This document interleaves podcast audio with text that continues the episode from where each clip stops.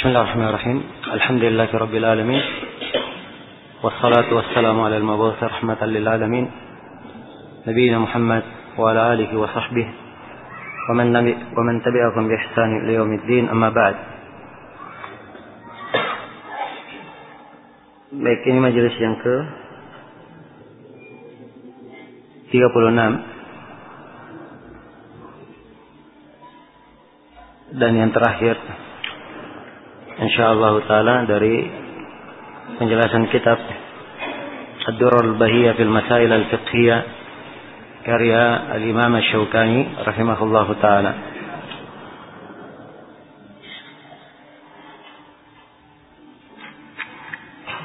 Ada ikhwah yang mengingatkan pada halaman 88 pembahasan tentang had asyurf had peminum khamar.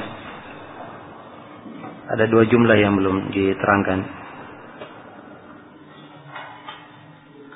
Dikatakan wa yakfi iqraruhu marratan aw syahadatu adlaini walau alal qai wa qatluhu fi rabi'a mansukh. Ya ini tentang peminum khamar. Ketentuan penjatuhan had terhadapnya cukup dia mengikrar sekali. Ya, jadi dia mengikrar dia meminum, sudah boleh dijatuhkan hukum had kepadanya. Au syahadatu adlain atau dua adil yang mempersaksikan.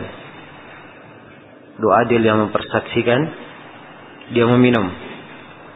Walau alal qai walaupun dia persaksikan hanya sekedar orang itu muntah. Yang muntahnya itu karena meminum khamar. Iya. Jadi kalau dia mempersaksikan dua orang walaupun sekedar dia melihat muntah akibat minum khamar maka ini telah cukup. Dan keten dua ketentuan ini apakah dipersaksikan oleh dirinya sendiri atau dipersaksikan dengan syahadat dua orang yang adil, dua orang yang terpercaya, ini telah berlalu. Kemudian Syokan diterangkan, ada di dalam sebagian riwayat penjelasan kalau dia minum kemudian diberi had dia minum lagi.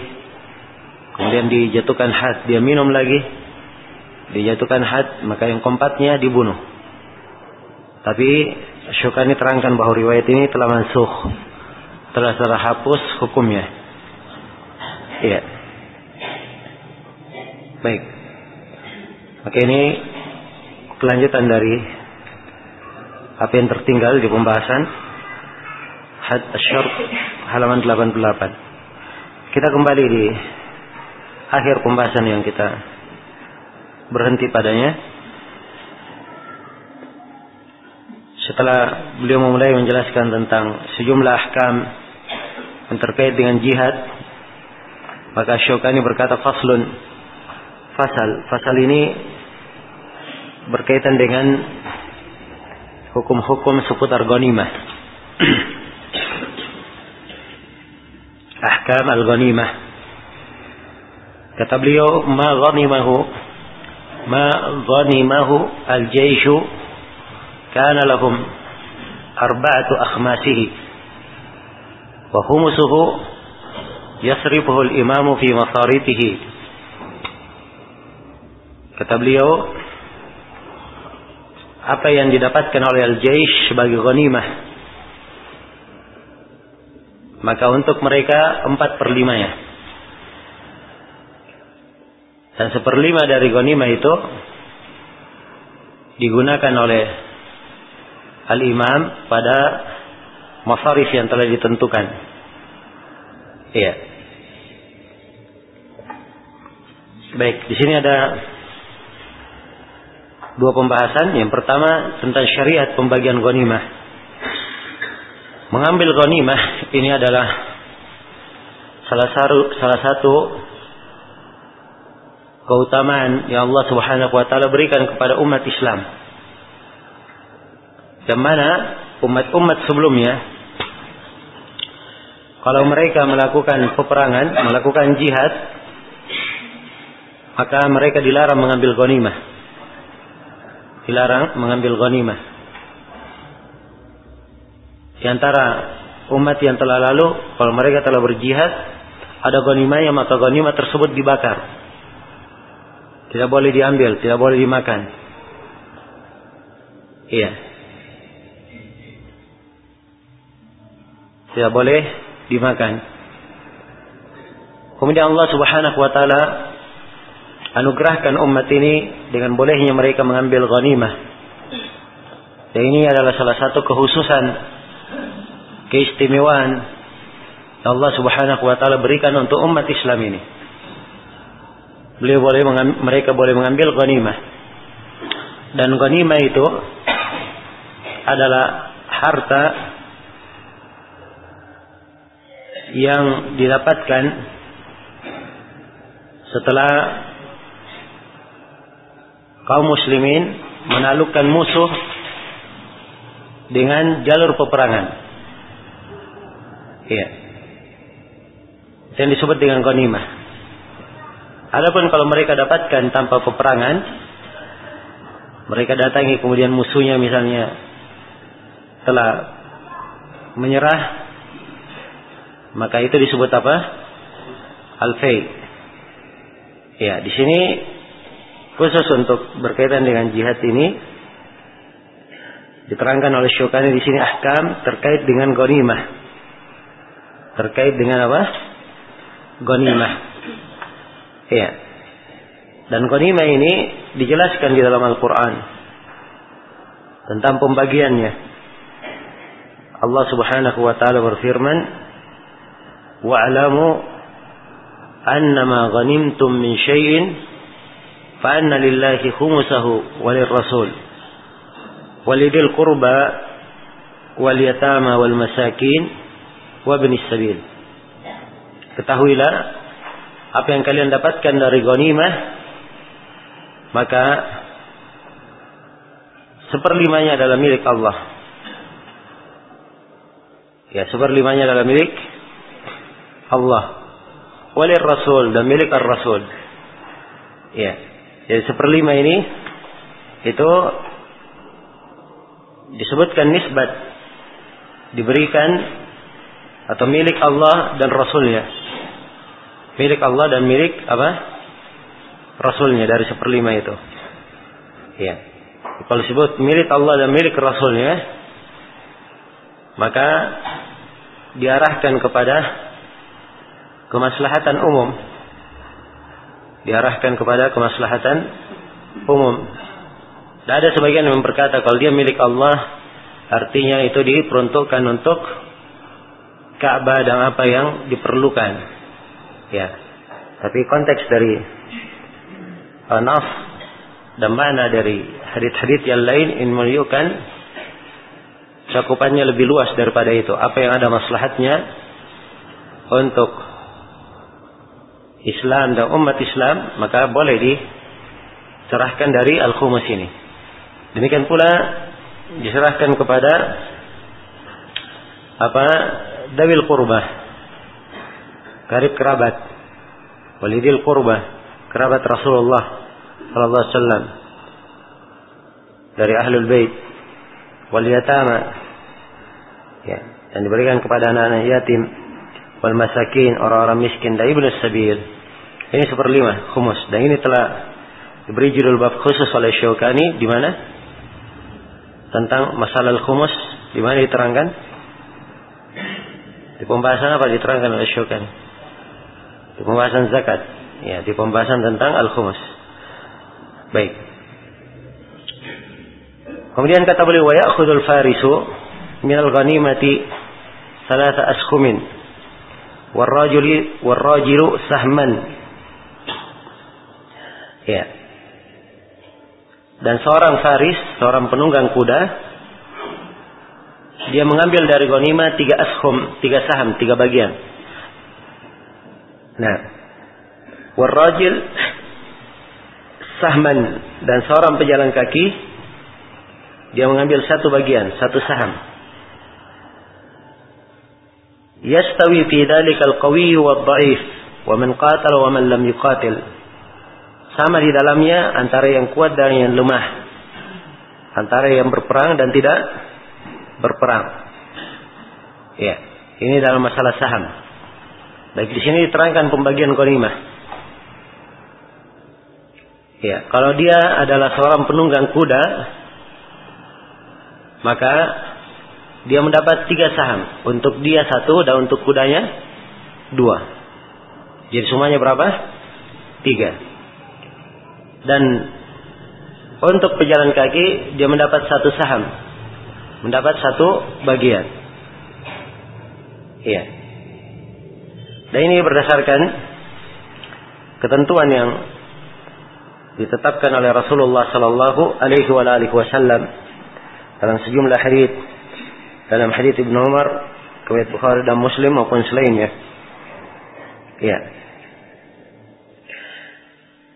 Kemudian di sini dikatakan sama di dalam hal ini antara orang yang kuat dan orang yang lemah. Ya, sebab semuanya ikut di dalam jihad. Dan dimaklumi perbedaan dalam kekuatan itu adalah hal yang lumrah di dalam manusia. Ya. Sepanjang semuanya berjalan dan berjihad, maka dia mendapatkan bagian satu saham yang sama. Jelas ya? Demikian pula wa man qatala wa man lam yuqatil. Di dalam pasukan itu misalnya ada yang berperang dan ada yang belum sempat berperang, maka bagiannya juga apa? Bagiannya sama. Iya, bagiannya sama.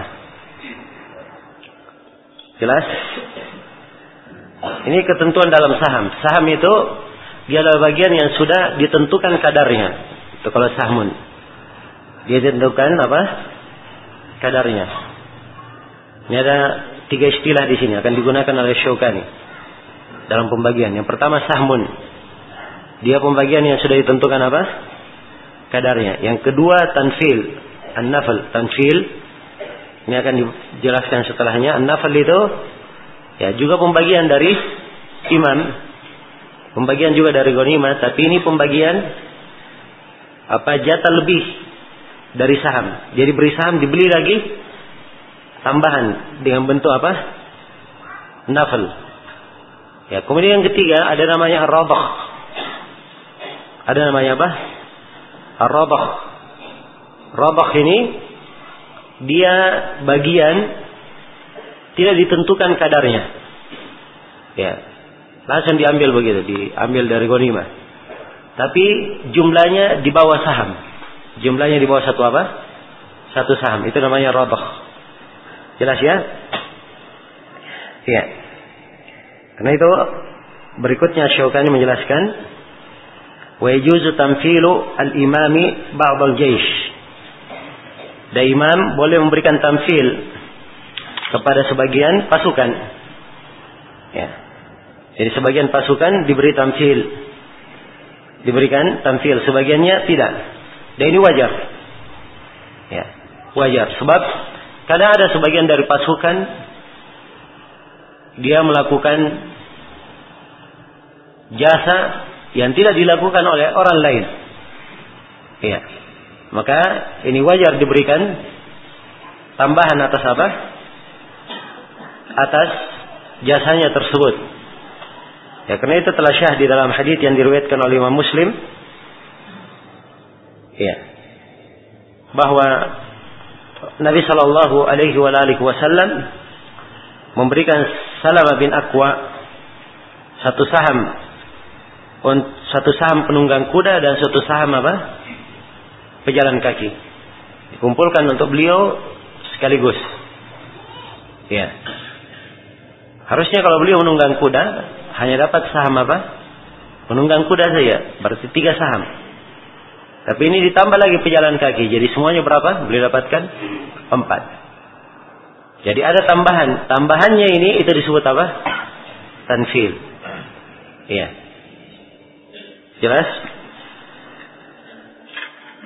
Kemudian kata beliau rahimahullah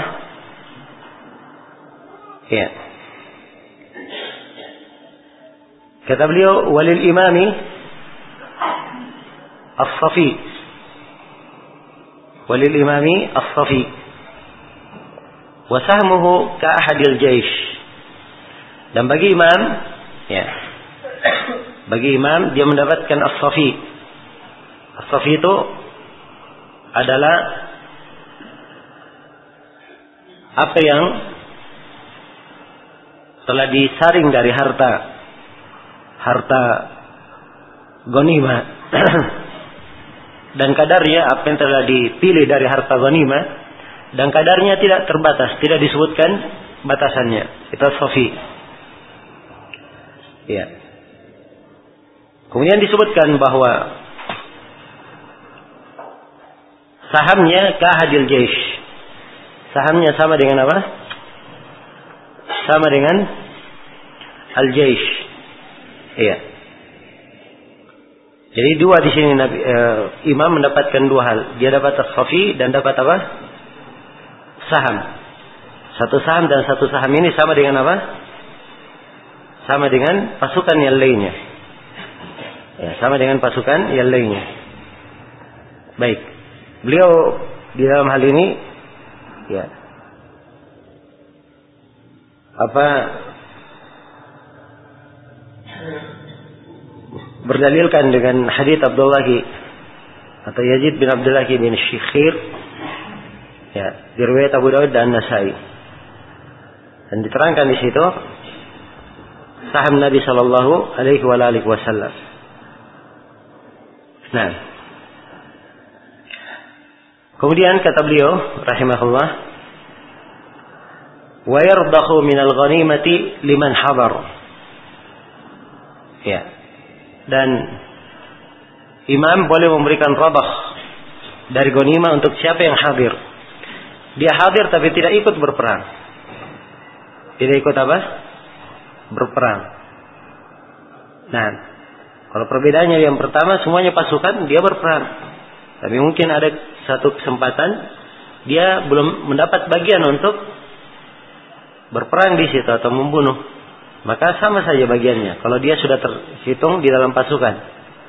Tapi ini yang hadir bisa diberi rabah. Nah, misalnya perempuan misalnya dia hadir sebagaimana dimaklumi di sebagian peperangan ada yang hadir untuk mengobati orang-orang yang luka. Ya, jelas? Maka kalau ada yang hadir ya dan hadirnya perempuan di peperangan itu itu juga di dimaklumi pembolehannya dengan syarat-syarat. Apabila aman dari fitnah dan apabila dugaan besarnya bahwa pasukan kaum muslimin akan apa? Akan menang. Iya. Jadi antara ketentuannya. Maka kalau dia hadir, dia tidak ikut berperang. Maka dia diberi dari al-ghanimah tapi rabah. Sifatnya apa? Rabah. Iya, bukan saham. Diambilkan dari ghanimah dibawa saham tidak ditentukan berapa jumlahnya. Nah, dan ini ada dilakukan oleh Nabi Shallallahu Alaihi Wasallam di dalam apa hadits Ibn Abbas yang diriwayatkan oleh Imam Muslim. Kemudian kata beliau rahimahullah, "Wa yu'thiru al-mu'allafina in ra'a fi dhalika salahan." Dan beliau memberikan al-muallafin yang memberikan orang-orang yang bisa ditalif hatinya diberikan dari pemberian itu dari ghanimah itu kalau si imam melihat ada maslahatnya. Jelas ya? Sebab dalam hadis Anas bin Malik riwayat Al-Bukhari أن النبي صلى الله عليه وسلم قسم الغنائم في أشراف Quraisy ta'lifan lahum. Sungguhnya Nabi Shallallahu Alaihi Wasallam membagi ghanimah itu pada sebagian pembesar-pembesar Quraisy untuk melembutkan hati mereka. Ya. Bahkan waktu itu Nabi meninggalkan orang-orang Ansar dan Muhajirin tidak diberi. Jelas ya? Dan ini yang dibagi oleh Nabi di sini ini dari al-khumus. Ya. Adapun empat per lima itu pasukan, milik pasukan. Dibagi antara pasukan. Jelas ya? Ya. Kemudian kata beliau, wa idza raja ma akhadahu al-kuffar muslimina kana limalikihi. Ya, dan apabila kembali apa yang diambil oleh orang kafir dari kaum muslimin, maka itu menjadi atau kembali kepada pemiliknya. Misalnya orang-orang kafir, mereka mengambil harta dari kaum muslimin. Hartanya dimaklumi. Ya. Begitu kaum kufarnya diperangi oleh kaum muslimin, harta itu didapat kembali, maka harta itu menjadi milik siapa? Ya, milik pemiliknya yang pertama. Pemiliknya yang pertama itu ya milik muslim yang memilikinya sebelum dirampas oleh orang kafir. Nah, dan ini berdasarkan hadits Imran ibn Husain riwayat Muslim. Ya. Kemudian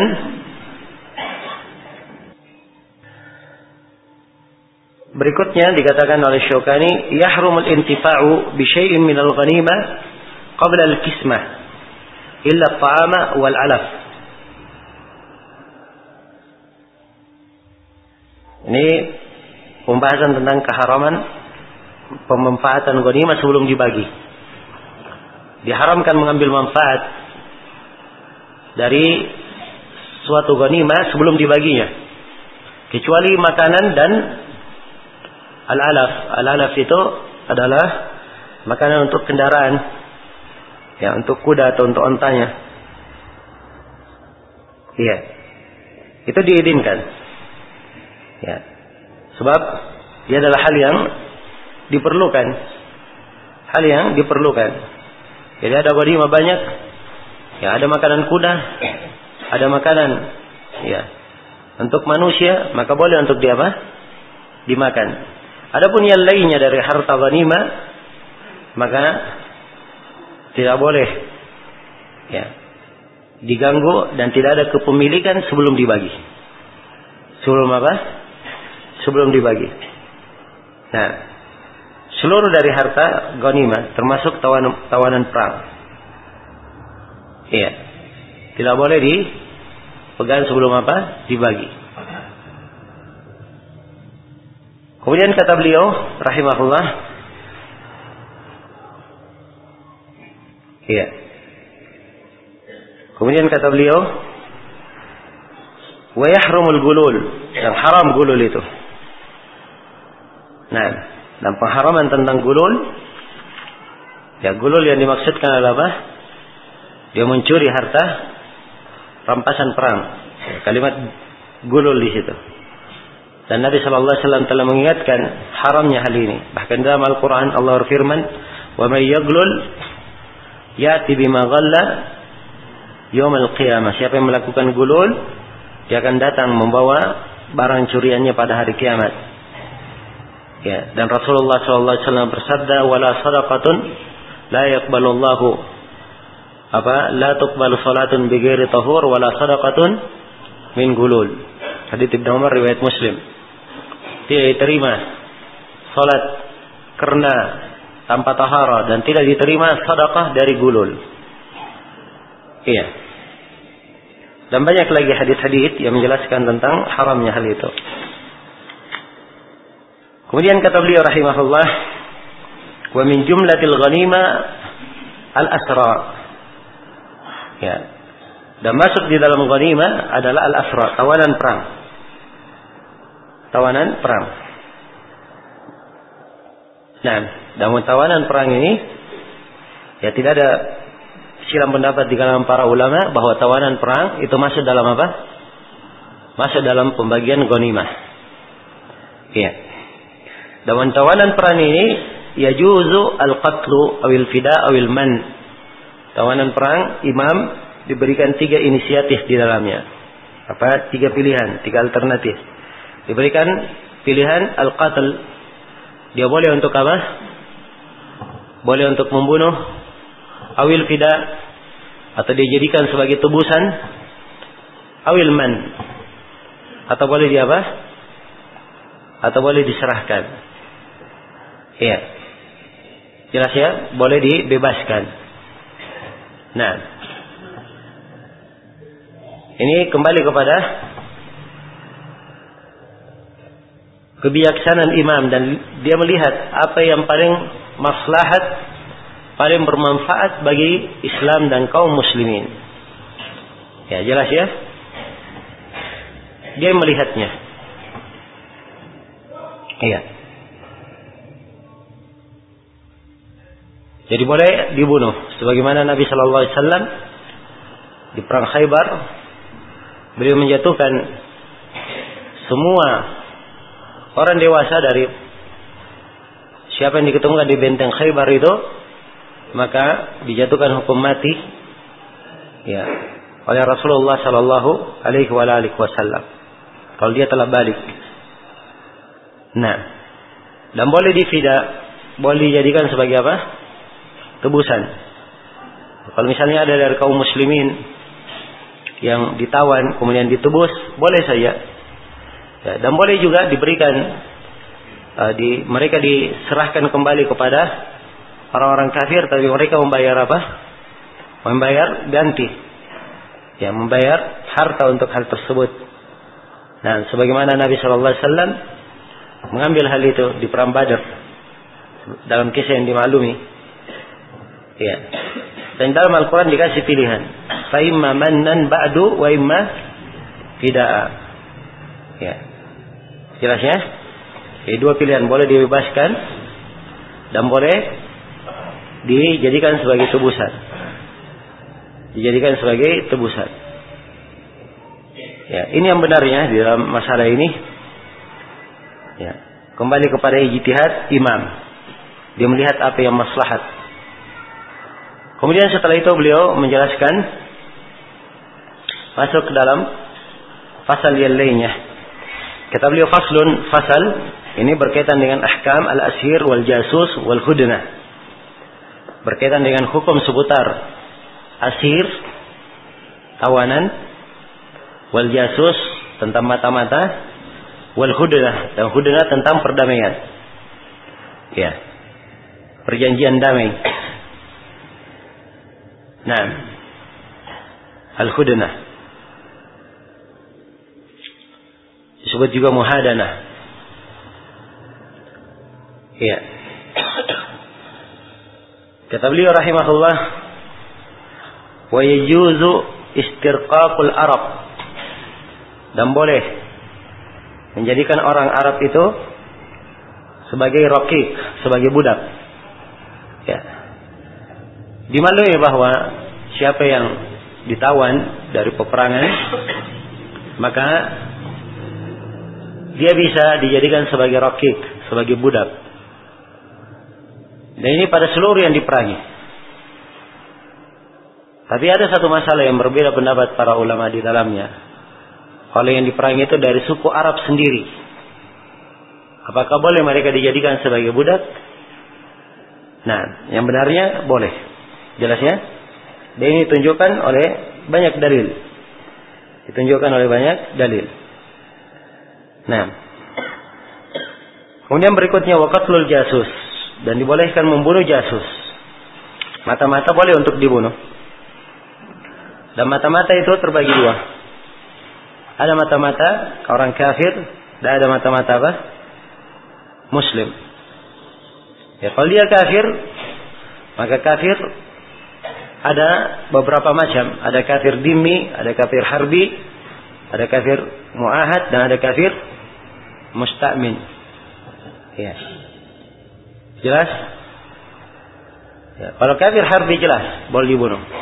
Kalau selain dari kafir harbi yang punya perjanjian dengan kaum muslimin, maka perbuatannya melakukan apa memata-matai kaum muslimin ini sudah membatalkan perjanjian. Sudah membatalkan apa? Perjanjian. Karena itu mereka boleh untuk dibunuh.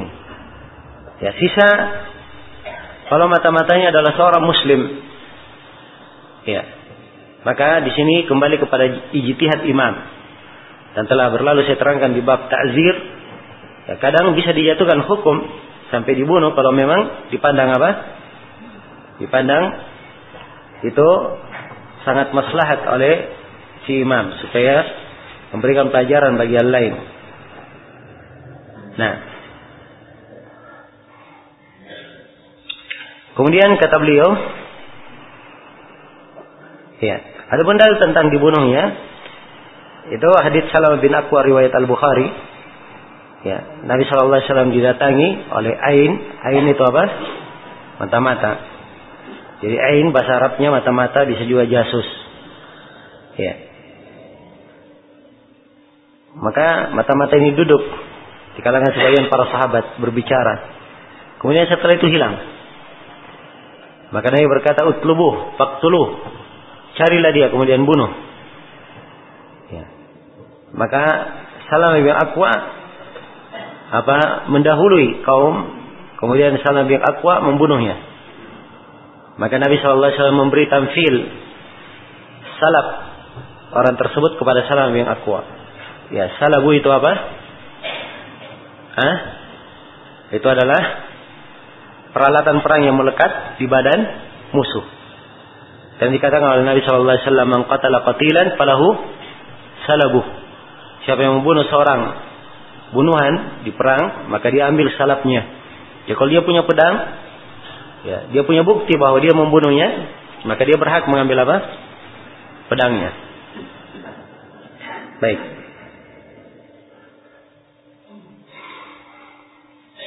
Kemudian kata beliau rahimahullah, itu kesimpulannya tentang mata-mata.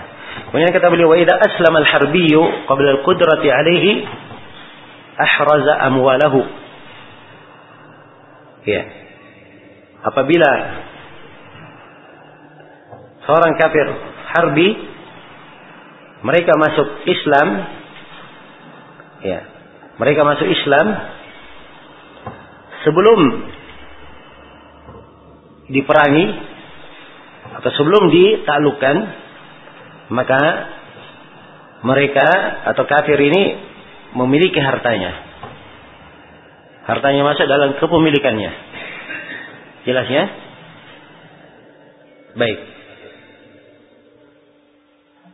Dan dimaklumi bahwa keislaman itu menyebabkan haramnya harta dan darah seseorang dengan keislamannya. Maka sepanjang dia muslim sebelum dia ditaklukkan di dalam peperangan ya, maka asalnya hartanya adalah apa? miliknya. Ya, sebab harta rampasan perang itu konima itu setelah peperangan. Dan ini belum apa? Dia belum ya, ditaklukkan di dalamnya. Jelas ya? Baik ini dari etika yang hendaknya diperhatikan oleh seorang pemimpin. Nah,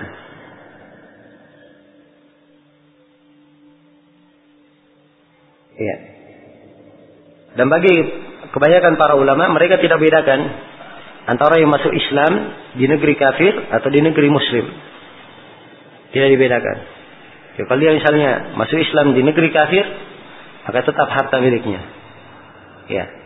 Jelas ya? Sepanjang dia telah masuk Islam. Kemudian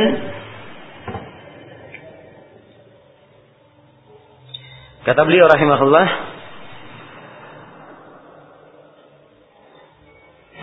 wal ardul mag wal ardul magnuma Hah? Baik. Kemudian kata beliau wa idza aslama abadun likafir sara hurran. Ya, kalau seorang budak milik kafir dia masuk Islam, maka dia menjadi bebas. Menjadi apa? Menjadi bebas. Nah, dan ketentuan bebasnya ini adalah hal yang jelas sebab kaum muslimin itu tidak dimiliki oleh siapa? Oleh orang kafir. Maka kapan dia masuk Islam? Iya, maka dia dianggap bebas. Ini ingat kejadiannya di mana semua ini? Di dalam masalah peperangan. Ada hadis di dalam hadis yang hasan diriwayatkan oleh Abu Dawud Tirmidzi dan dari Ali bin Abi Thalib radhiyallahu taala di dalam masalah ini. Nah, di mana ada sebagian dari budak yang melarikan diri dari tuannya dan mereka masuk Islam. Iya. Mereka masuk Islam. Ya, ada sebagian sahabat yang berkata bahwa mereka ini lari karena hanya ingin bebas saja. Ya, tapi Nabi Shallallahu Alaihi Wasallam tetap menetapkan keislaman mereka atau kebebasan mereka setelah mereka masuk Islam. Kemudian kata beliau, wal ardul maghnumah amruha ila al imam fayaf'alu al aflah min kismatiha atau tarkiha mushtarakah bainal ghanimin atau baina jami'il muslimin. Dan bumi yang dijadikan ghanimah atau bumi ghanimah itu perkaranya urusannya kepada imam. Ya. Dia melihat yang paling aslah.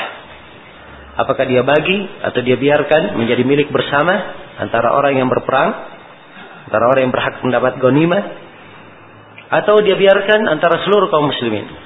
Ya kalau memang ada jatah di situ, ya jatah yang diperuntukkan humus yang didapatkan oleh yang dikeluarkan humusnya masuk juga di situ. Jelas ya? Baik ini pilihan imam yang menentukannya. Sebab ini dari salahiyat al-imam. Ya.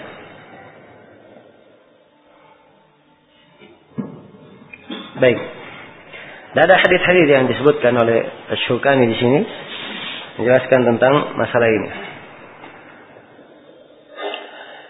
Kemudian kata beliau rahimahullah, "Wa man ammanahu ahadul muslimina sara amina war rasulu kal muamman." Sini beliau jelaskan tentang akad al-aman. Akad tentang apa? Al-aman. Ya.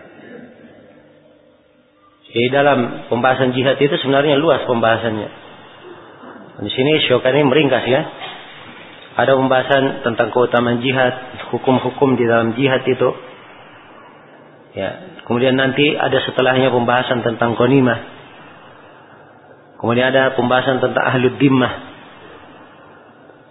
Ada pembahasan tentang al-muahadah. Ada pembahasan tentang akdul aman. Ya. Dan ada pembahasan tentang apa namanya? Ya, karena diikutkan sebagian pembahasan yang berkaitan dengan salihiyat al-imam. Jadi luas pembahasannya di bab jihad sebenarnya.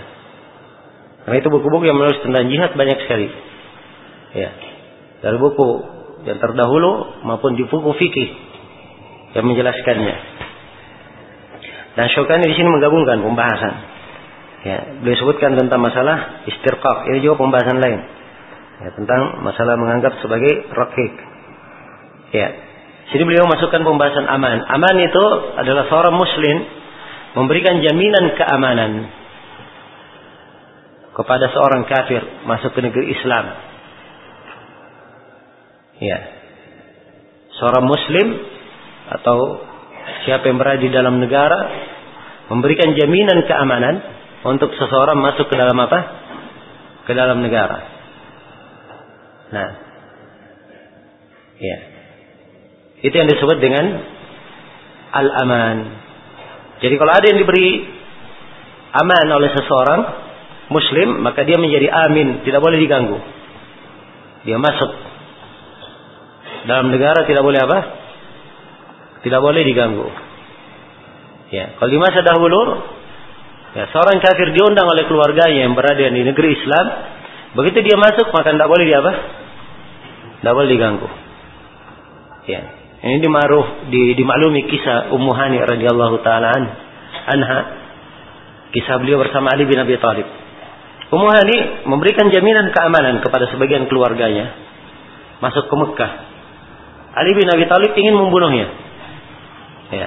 Maka Ummu Hani datang kepada Rasulullah sallallahu alaihi menceritakan kejadian. Maka Rasulullah pimpinan negara berkata pada ajar naman ajarti yaumahani. Kami telah lindungi siapa yang engkau lindungi wahai umahani. Ya. Maka negara harus menjaga Ya. Aman yang diberikan oleh salah seorang dari penduduk negaranya walaupun dia seorang perempuan. Jelas ya? Dan sekarang di masa ini tentunya perkembangan di dalam masalah aman itu terwujud dengan bentuk lain. Ya. Sekarang kalau misalnya seorang masuk ke dalam negara, ya, jadi izinkan masuk, itu ketentuannya di imigrasi. Kapan paspornya telah diperiksa kemudian distempel masuk, maka itu jaminan keamanan dari negara. Dia boleh masuk apa? Masuk ke dalam wilayah Indonesia. Ya, dan wajib atas seluruh penduduk negara untuk menghormati itu. Demikian pula kalau misalnya dia mendapatkan panggilan dari sebagian orang yang di dalam negara. Ya. Jelas?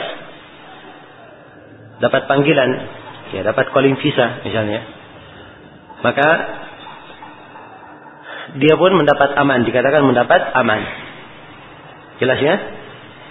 Kemudian war rasul utusan itu kalau muamman, seorang utusan dia muamman, sama kedudukannya. Sebab Nabi Wasallam tidak membunuhi para utusan. Tidak membunuh apa?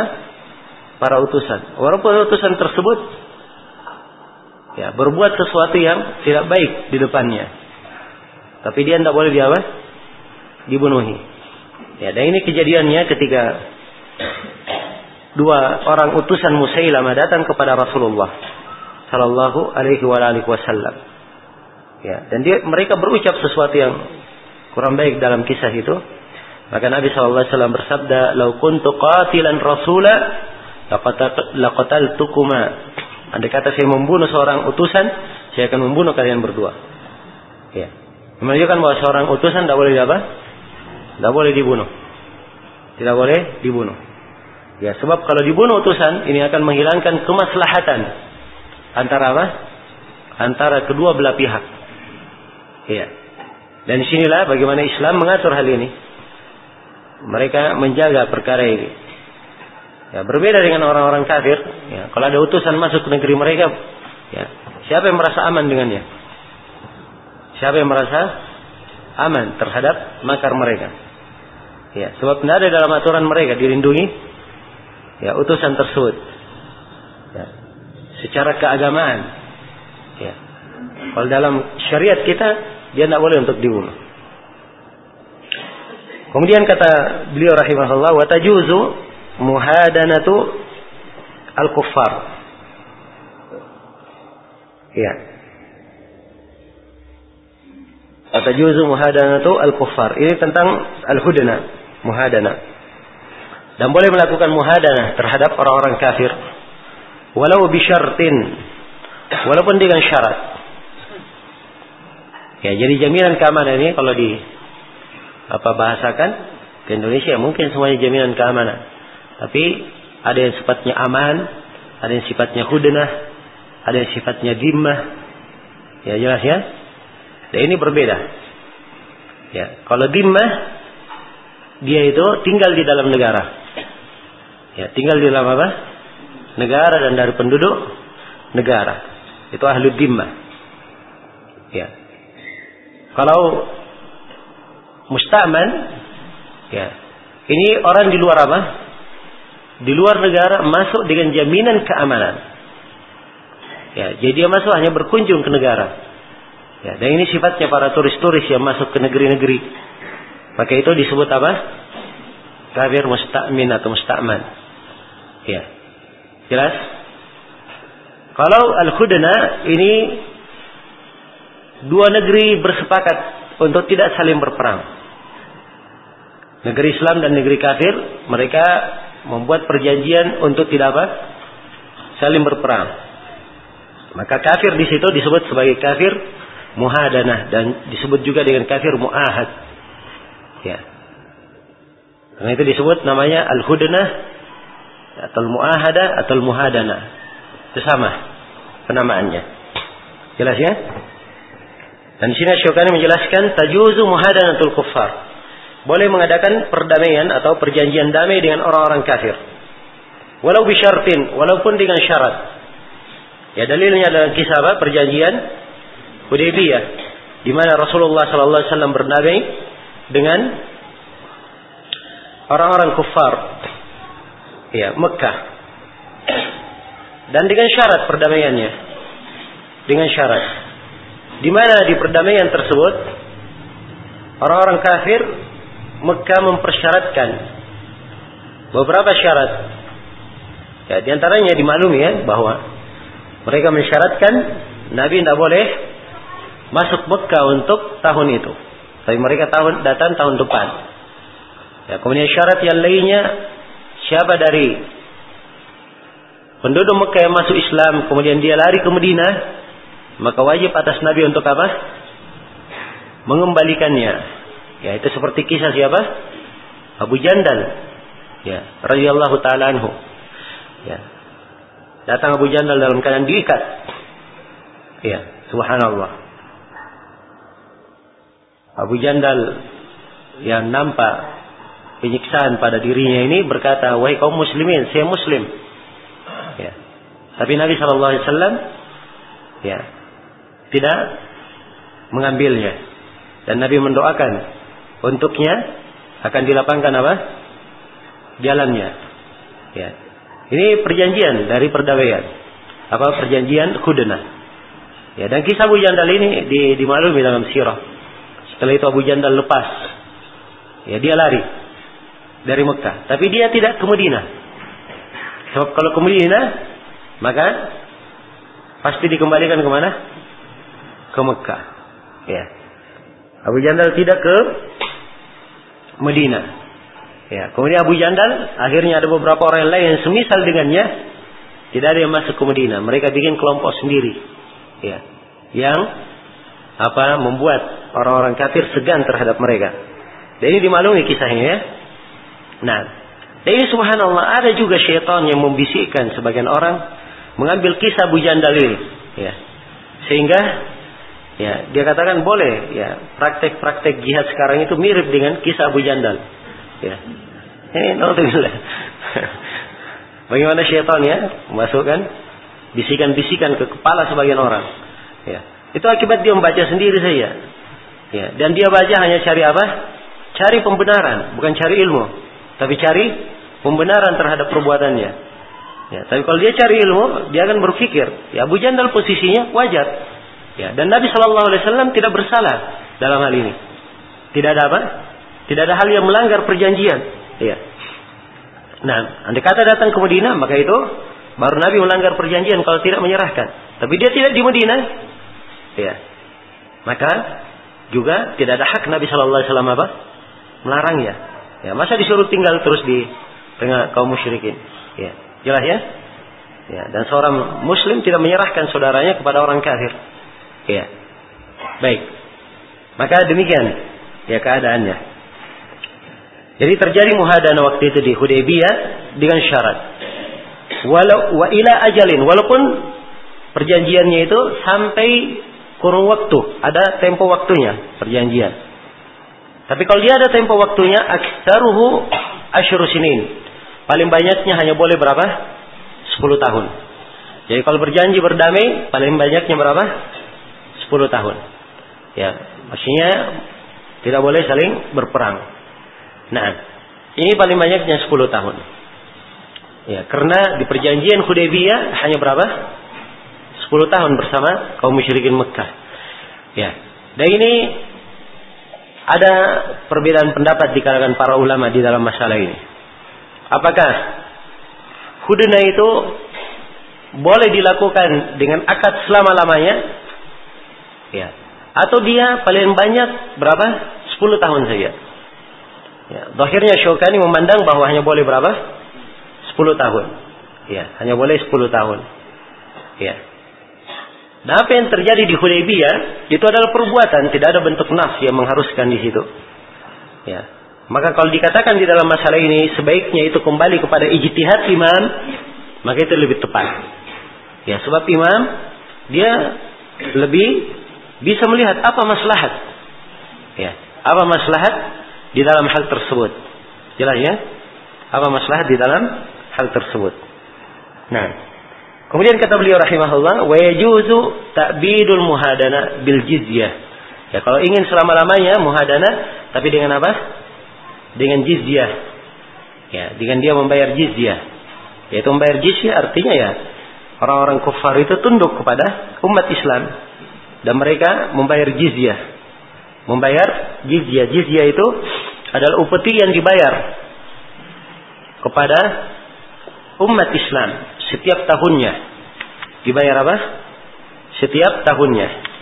Ya, di mana Ya, setiap dari orang kafir yang sudah dewasa, maka dipungut dari mereka apa? Jizyah. Ya. Dipungut dari mereka jizyah. Nah, jizyahnya ditentukan. Jizyahnya ditentukan. Kalau saya enggak, saya ingat dalam hadits Mu'at itu satu dinar. Ya, setiap orang apa? Satu dinar. Maka dilihat dia berapa penduduk negeri, penduduk negara yang sudah dewasa, dipungut semuanya. Tiap tahunnya dibayar satu apa tiap setiap orangnya membayar satu dinar. Nah, dan ini ada kemaslahatan bagi umat Islam. Jelas ya?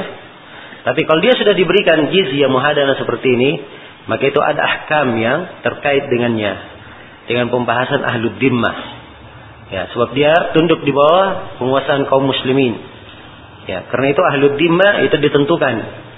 Ya, apa aturan-aturan untuk mereka, Ya, mereka tidak dibiarkan berpakaian seenaknya saja, tapi diatur bentuk-bentuk pakaiannya bagaimana.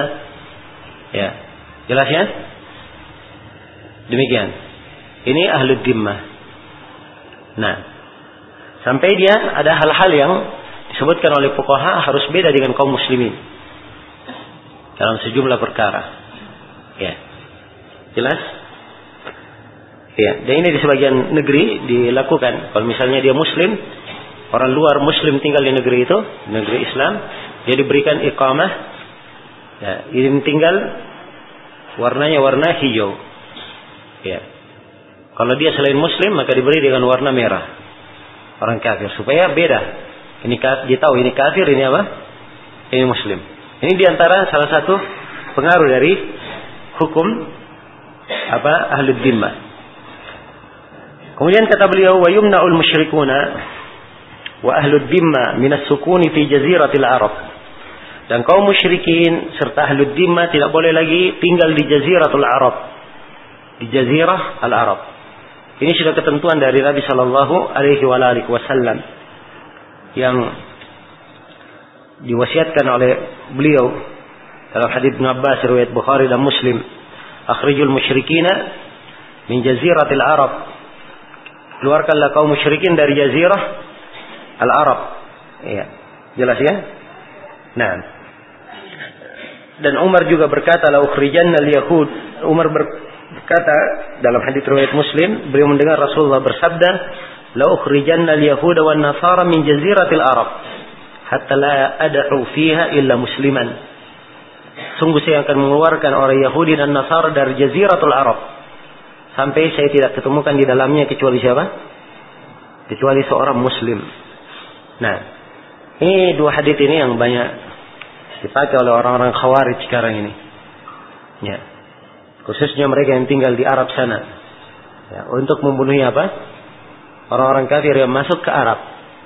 Ya. Dan mereka ini memang asalnya tidak punya fikih dalam agama. Sebab ini hadis pelarangan apa yang dilarang?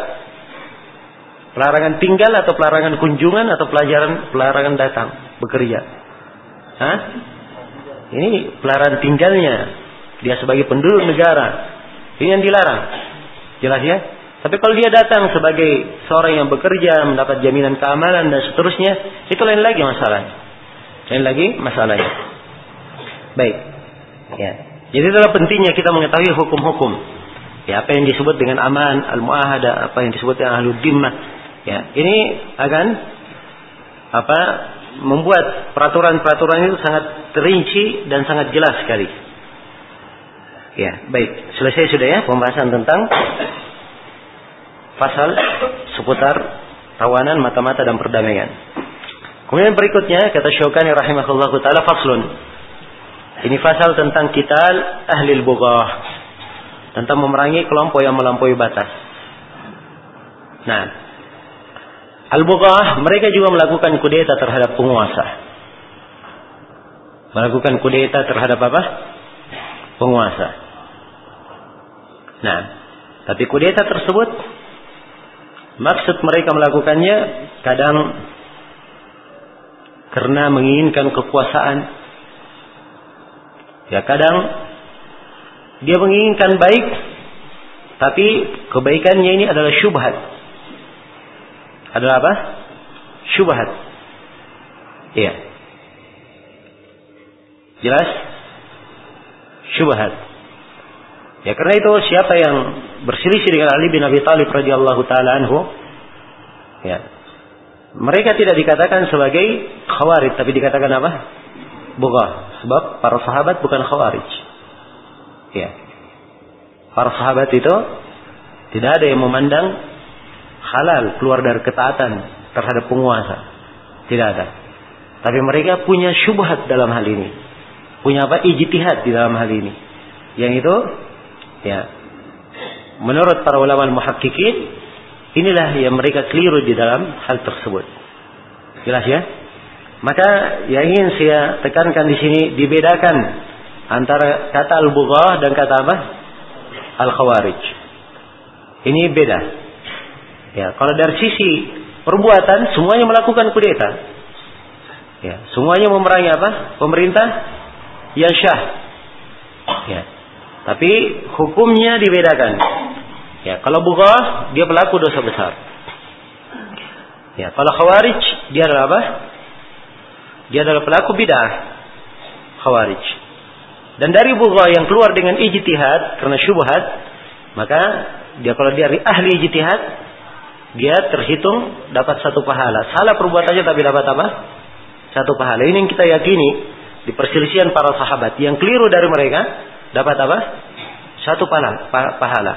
Yang benar dari mereka maka dia dapat dua pahala. Karena itu tidak usah mengurusi perselisihan ya, para sahabat.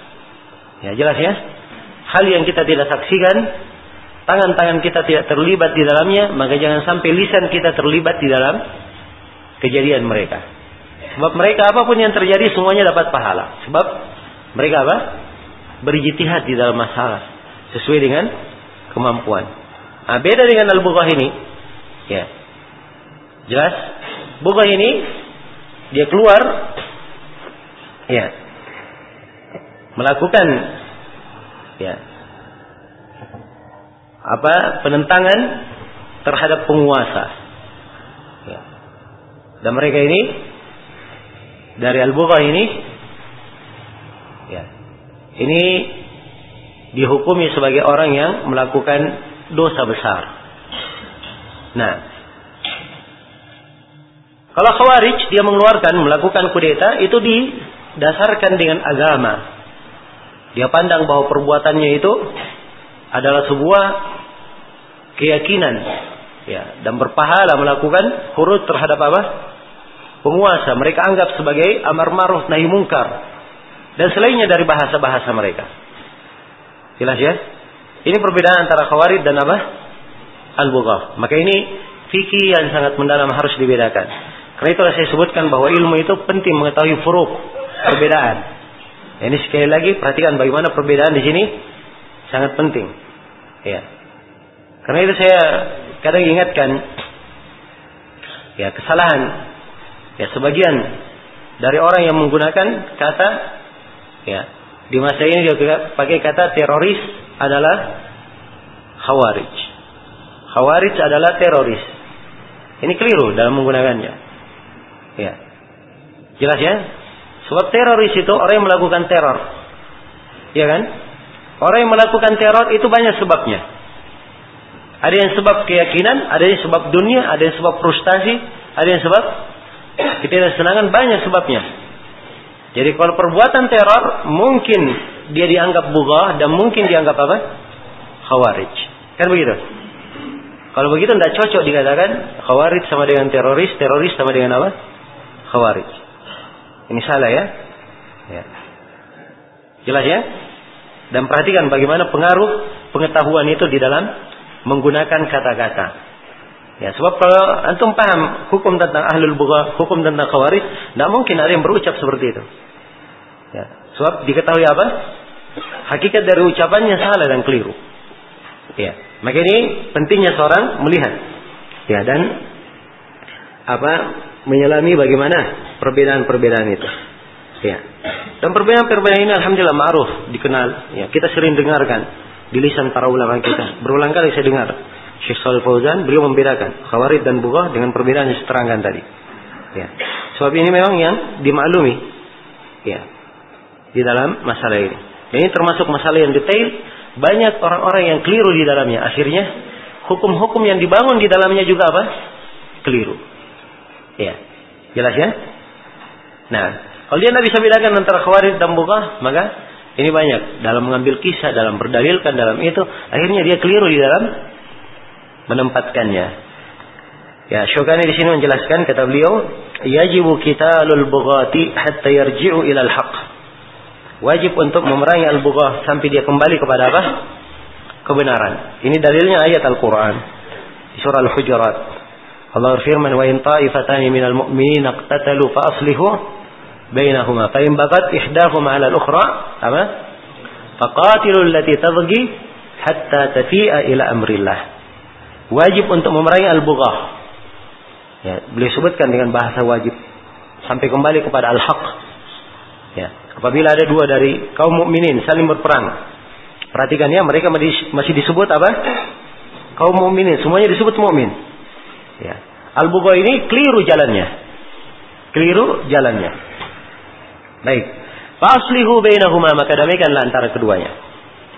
Fa'in bagat ihdahuma 'ala al-ukhra, kalau salah satunya bagat ya, bugat terhadap yang lainnya, faqatilul lati tabghi. Maka perangilah yang apa? Yang melampaui batas. Hatta tafi'a ila amrillah. Sampai dia kembali kepada apa? Kepada perkara Allah. Nah, ya. Dan ini penggunaan bogat ini masih dipakai ya. Dari dahulu hingga belakangan siapa yang melakukan kudeta terhadap penguasa maka dia disebut sebagai kaum apa? Kaum bogat.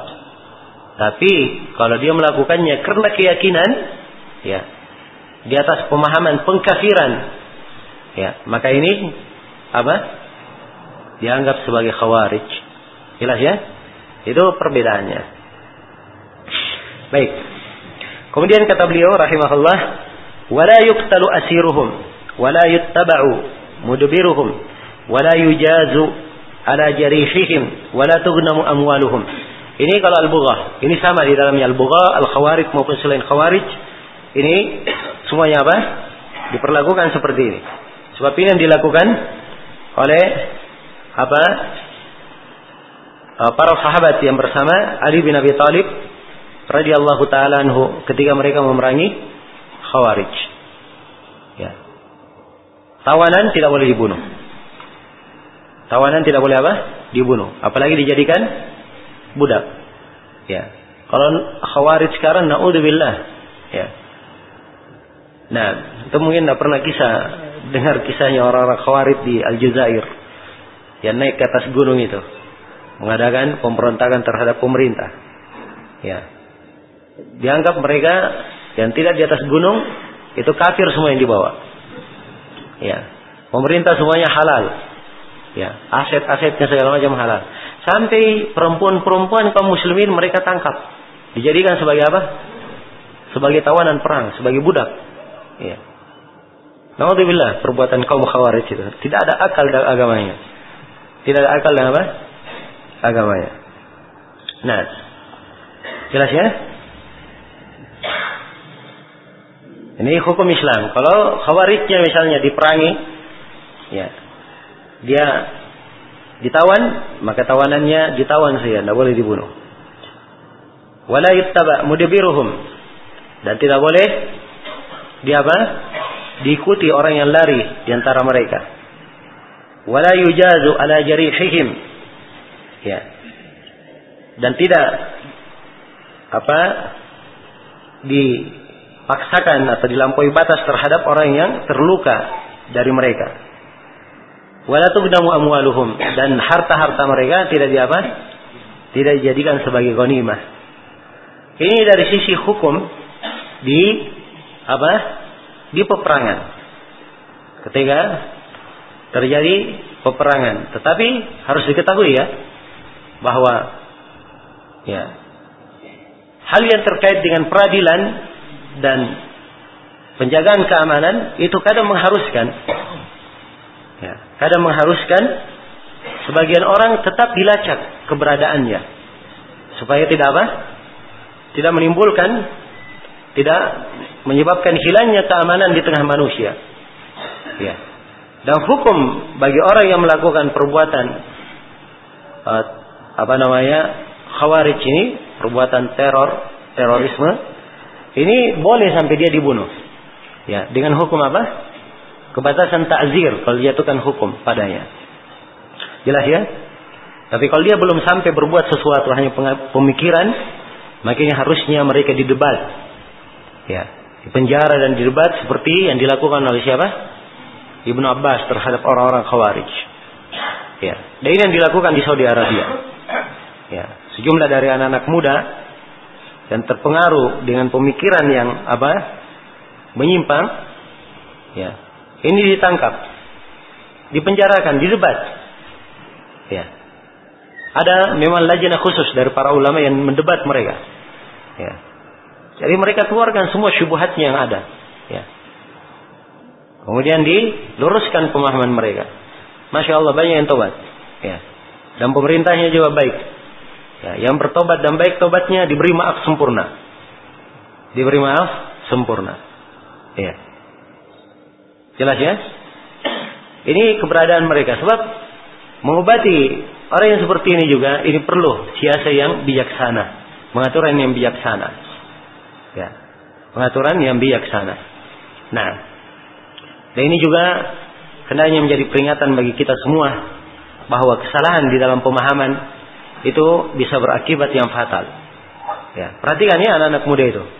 Ya, gimana mereka ya punya semangat di dalam melakukan kadang sebagian amalan, sebagian pekerjaan, ya dianggap sebagai jihad, tapi sebenarnya itu bukan jihad.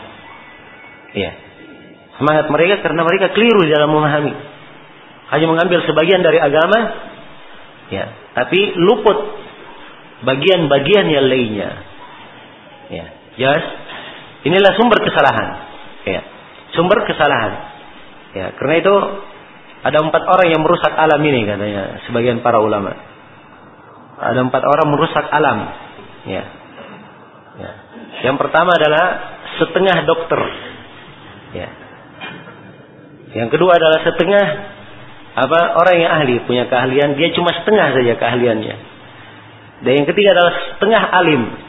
Jangan alim tapi setengah alim. Ya. Ada yang keempat saya ingat sekarang. Ya. Ini orang yang setengah-setengah ini pengetahuannya ini yang repot. Ya. Sebab ilmunya belum apa? Ya, belum penuh. Akhirnya dia hanya memberikan hukum sesuai dengan apa? Gambaran yang setengah padanya. Maka hasilnya pasti berantakan. Ya, hasilnya berantakan. Inilah yang merusak alam. Ya, jelas ya? Maka hendaknya diperhatikan, ya. Kenyataan-kenyataan yang seperti ini menjadi pelajaran bagi kita semua untuk lebih memperdalam dan uh, bersungguh-sungguh di dalam menyelami hakikat dari agama kita dan kedetailan-kedetailan agama kita yang bersumber dari Al-Quran dan Sunnah Rasulullah Sallallahu Alaihi Wasallam. Baik selesai sudah ya tentang pembahasan ahlul bughah. Kemudian yang terakhir kata beliau rahimahullah taala faslun. Ini fasal tentang sebagian hukum-hukum seputar kepemimpinan Ya. Sebab Syaukani di sini beliau membahas tentang kepemimpinan, ya, sifat seorang pemimpin dan kewajibannya.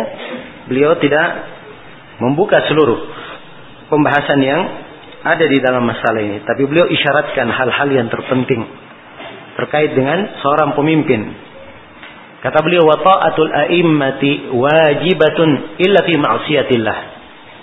Dan taat kepada para imam taat kepada para pemimpin adalah wajib adalah apa? Adalah wajib. Kecuali dalam bermaksiat kepada Allah. Ya. Kewajiban taatnya di dalam Al-Quran. Ya ayuhalladzina amanu Allah wa ati'ur rasul wa ulil amri minkum. Wahai orang-orang yang beriman, taatlah kalian kepada Allah. Taatlah kalian kepada Rasul dan kepada ulil amr di antara kalian. Ayat ini mengandung dua hal. Hal yang pertama kewajiban taat kepada penguasa. Dan hal yang kedua tidak boleh taat dalam maksiat. Ya. Tidak boleh taat dalam maksiat dari mana pendalilan dari ayat? Hah? Ya, sebab perhatikan ya konteks ayatnya. Allah perintah Allah, taatlah kepada Allah. Pakai perintah ati'u. Berarti ketaatan kepada Allah ketaatan mutlak. Jelas ya? Kemudian untuk Ar-Rasul ketaatan kepada Rasul diulangi lagi kata kerjanya wa ati'ur Rasul. Berarti ketaatan kepada Rasul adalah ketaatan apa? Mutlak. Begitu masuk ulil amr tidak ada kata wa ati'u di depannya. Diikutkan apa? Wa ulil amri diikutkan. Ya. Jadi mereka ditaati sepanjang apa yang mereka perintah itu adalah bentuk ketaatan kepada Allah dan apa? Rasulnya. Jadi kalau dia maksiat, dia maksiat maka apa? Tidak ditaati dalam maksiat. Karena itu telah syah di dalam hadis-hadis yang mutawatir. Perintah untuk taat kepada Allah, uh, perintah untuk taat kepada para penguasa. Iya. Apa pun keadaan penguasa itu, bagaimanapun kebaliman dan kelaliman mereka. Ya. Dan bagaimanapun kejelekannya, terhadap rakyatnya. Sepanjang dia penguasa dia masih muslim dan memerintah dalam hal yang ma'ruf bukan hal yang maksiat kita wajib mendengar dan taat kepadanya. Jelas ya? Wajib mendengar dan apa? Taat kepadanya. Nah ini adalah kaidah dasar di dalam agama kita. Ya jelas ya? Ingat ya? Pendalilannya dari Al-Quran dan dari hadits yang mutawatir.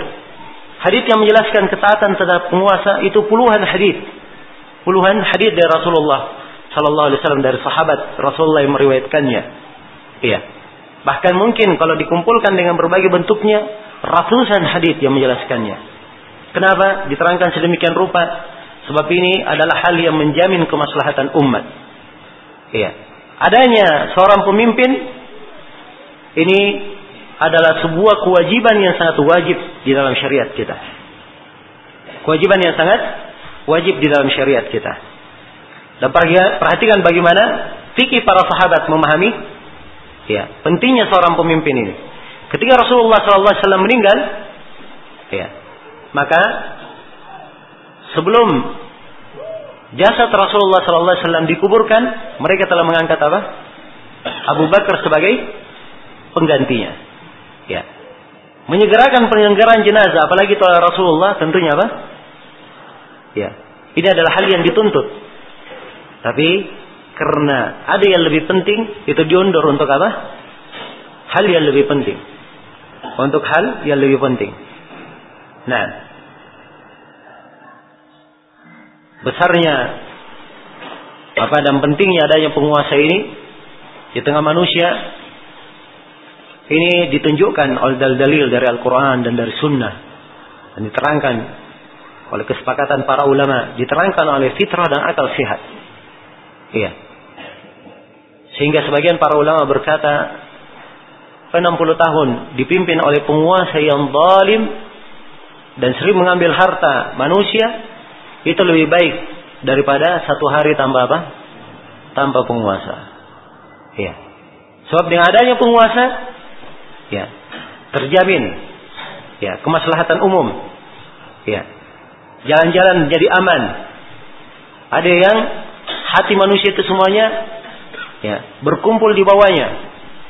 Beda kalau tidak ada penguasa. Yang terjadi adalah apa? Hukum rimba yang terjadi. Yang kuat akan memansa yang lemah. Ya. Yang kuat akan memansa yang lemah. Karena itulah kepemimpinan ini sangat dijaga di dalam syariat kita. Jelas ya? Dan di sini pertimbangan maslahat yang harus saya gambarkan. Kenapa Nabi Shallallahu Alaihi Wasallam memerintah untuk tetap dengar dan taat kepada penguasa?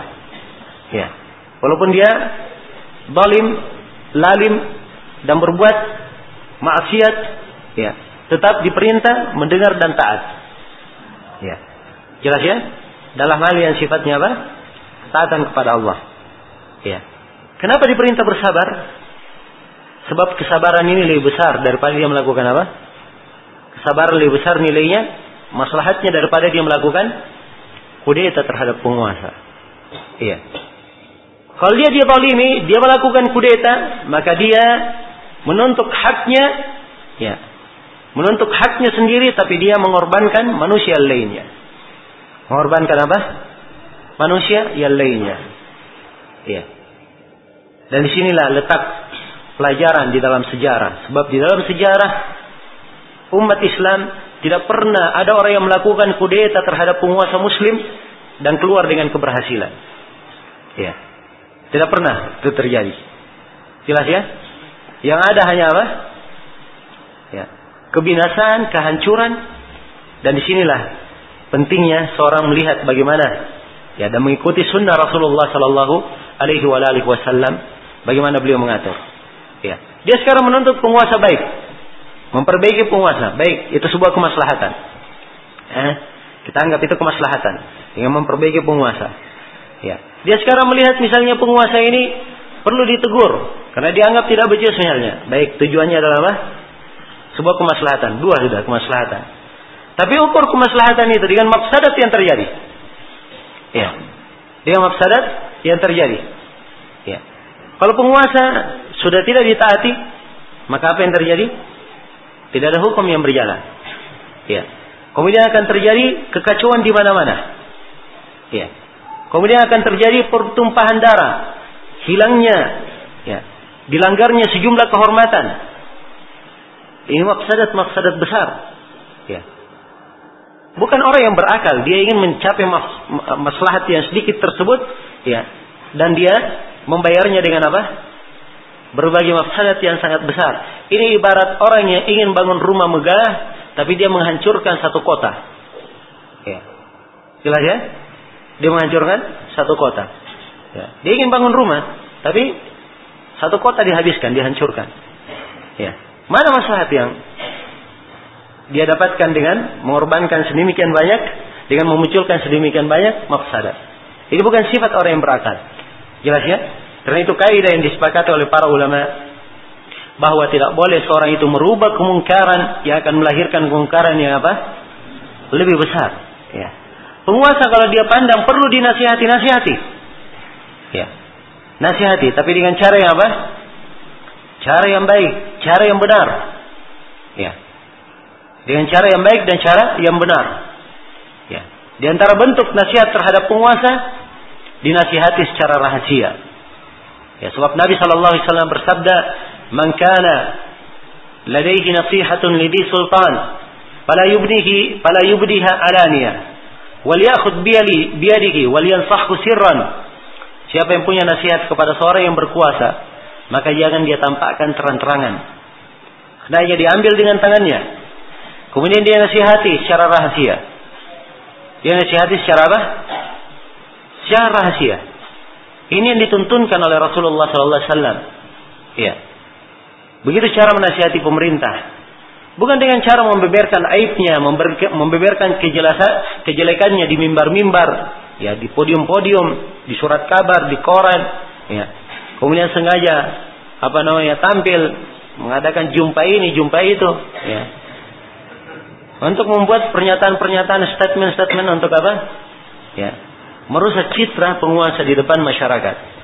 Jadi kalau masyarakat sudah benci kepada penguasanya, kira-kira apa yang terjadi? Ya. Bisa tercipta keamanan. Tidak mungkin itu tercipta keamanan. Jelas ya? Tidak mungkin tercipta keamanan. Nah, di sini letak kekeliruan. Ya. Dan ini tabiat manusia. Kalau ada kesalahan, dia menganggap dirinya tidak pernah bersalah. Ya.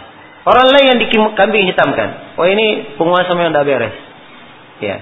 Ini memang harus dikasih pelajaran. Ya. Ini betul-betul mendolimi kita. Tapi dia tidak pernah berpikir. Mungkin kejelekan yang didapatkan itu sebabkan karena apa? Perbuatannya sendiri. Ya. Dan kalau dia menguasa, menganggap penguasanya adalah penguasa yang balim, berarti dia termasuk orang yang balim juga. Ya kan? Kenapa? Sebab orang yang zalim itu, penguasa yang zalim itu hanya muncul di tengah orang-orang yang zalim. Ya. Kan dalam Al-Qur'an dikatakan wa kadzalika nuwalli ba'd adh-dhalimina ba'dan bima kanu yaksibun. Demikianlah kami jadikan sebagian orang yang zalim menjadi pemimpin terhadap orang yang zalim yang lainnya karena perbuatan mereka sendiri. Ya. Jelas ya? Maka ini sudut pandang yang harus diperbaiki. Ya. Kemudian kalau ada kesalahan, jangan apa mengkambing hitamkan orang lain Ya. Dia kambing hitamkan dirinya sendiri. Ya. Ini karena ada dosa dan maksiat yang terjadi sehingga turun hal-hal yang tidak menyenangkan ini. Dan Allah telah berfirman, ya, Inna Allah la yughayyiru ma biqaumin hatta yughayyiru ma bi anfusihim. Allah tidak merubah keadaan satu kaum sampai mereka merubah keadaan mereka sendiri. Ya. Jadi mereka sendiri yang merubah keadaannya. Ya. Merubah keadaan siapa? Mereka sendiri bukan dikatakan Allah tidak merubah keadaan satu kaum sampai dia rubah keadaan pemerintahnya. Ya. Dia rubah keadaan parlemennya. Bukan itu yang ini, tapi disuruh memperbaiki apa? Dirinya sendiri. Ya. Jelas ya? Sebab kapan setiap muslim diarahkan untuk memperbaiki dirinya, menegakkan syariat pada dirinya sendiri, ya secara otomatis akan tegak syariat Allah di muka bumi. Kan begitu? Iya. Jelas? Kemudian hal yang lain, ya, untuk sesuatu yang kita tidak setuju misalnya terhadap apa yang dilakukan oleh pemerintah, itu tidak harus kita berbicara. Ya. Tidak harus seorang itu berbicara, walaupun dia punya kedudukan. Ya. Walaupun dia punya apa? Punya kedudukan. Apalagi kalau memang dia tidak ada kedudukan. Ya. Dan tidak punya kemampuan di dalam hal tersebut. Ya. Kerjanya hanya bisa teriak-teriak di jalan saya, bakar-bakar ban. Ya. Ya. Ini adalah perbuatan orang yang tidak menggunakan akal sehatnya. Kalau dia punya akal sehat, tempat-tempat nasihat, kalau dia ingin menasihati, ada tempat-tempatnya. Ya, ada tempat-tempatnya. Ya, ada tempat-tempat yang sudah disiapkan untuk memasukkan inspirasi. Ya, ada kotak-kotak pos yang bisa seorang masukkan apa tegurannya dan nasihatnya di situ. Bahkan ada nomor-nomor telepon yang bisa dia kirim SMS bisa kasih nasihat. Ya. Dia lakukan apa yang dia mampu sesuai dengan kemampuannya. Kalau dia tidak mampu, dia tidak dituntut apa yang di luar kemampuannya. Allah tidak menuntut seorang apa yang di luar kemampuan. Ya. Memang tidak ada jalan yang lain. Ya. Banyak jalan yang lain. Ya. Di antara jalan yang lain dia bersabar. Ya. Ini jalan yang sangat indah. Yang ditempuh dan dinasihatkan oleh para sahabat. Bahkan dilakukan oleh siapa? Nabi Musa alaihissalam bersama dengan Bani Israel menghadapi Fir'aun. Ya. Mereka tidak ada yang bisa menghadapi Fir'aun. Tapi Bani Israel bersabar dengan penyiksaan ya apa berbagai kezaliman yang dilakukan oleh Firaun, Bani Israel dan Nabi Musa bersabar. Ya, apa yang terjadi? Allah binasakan Firaun ya dengan pembinasaan yang tidak pernah tergambar sebelumnya. Ya, dan Allah menangkan mereka. Dan perhatikan kemenangannya disebut di dalam Al-Qur'an wa awrafna al-qauma alladziina kanu yastad'afuna fil ardi masyarik al-ardi wa magharibiha. Apa? Wa tammat kalimatu rabbikal husna ala bani Israel bima sabaru. Perhatikan. Dan kami wariskan bumi itu timur dan baratnya kepada kaum yang dulu mereka ditindas di atas muka bumi. Ya. Dan sempurna kalimat Rabbmu terhadap Bani Israel. Mereka dapat kebaikan ini. Karena apa? Bima sabaru. Karena sabaran mereka. Jadi mereka cuma punya senjata apa? Senjata sabar. Ya. Andai kata mereka bersabar, bersabar, insya Allah tidak beberapa lama akan berubah keadaan. Ya, tapi ini masalahnya, ya, masalahnya sebagian orang ini itu yang repot. Ya, dia tidak punya kesabaran. Ya, apalagi kalau ada maksud-maksud yang lain, wallah alam. Ya sekarang, ya sulit seorang itu dikatakan dia murni, meneriakan kebenaran, ya, menuntut haknya. Ya, kalau ada maksud-maksud lain, maka ini dari hal yang menambah ya musibah di atas musibah. Jelas ya? Kemudian ada jalan lain yang kadang tidak pernah ya seorang berpikir untuk menggunakannya. Yaitu dengan jalan mendoakan kebaikan untuk penguasa. Ya, ini adalah hal yang disyariatkan. Dituntunkan. Nabi mendoakan untuk Daus, Allahumma hdi Dausan wa atibihim. Ya Allah, berilah hidayah kepada Daus dan datangkanlah mereka dengannya. Ya, satu kabilah penuh didoakan oleh Nabi. Padahal mereka adalah penyembah apa? Penyembah berhala. Diberi, ya, diminta oleh Nabi supaya mereka diberi hidayah. Ya, jelas ya? Maka disyariatkan mendoakan penguasa.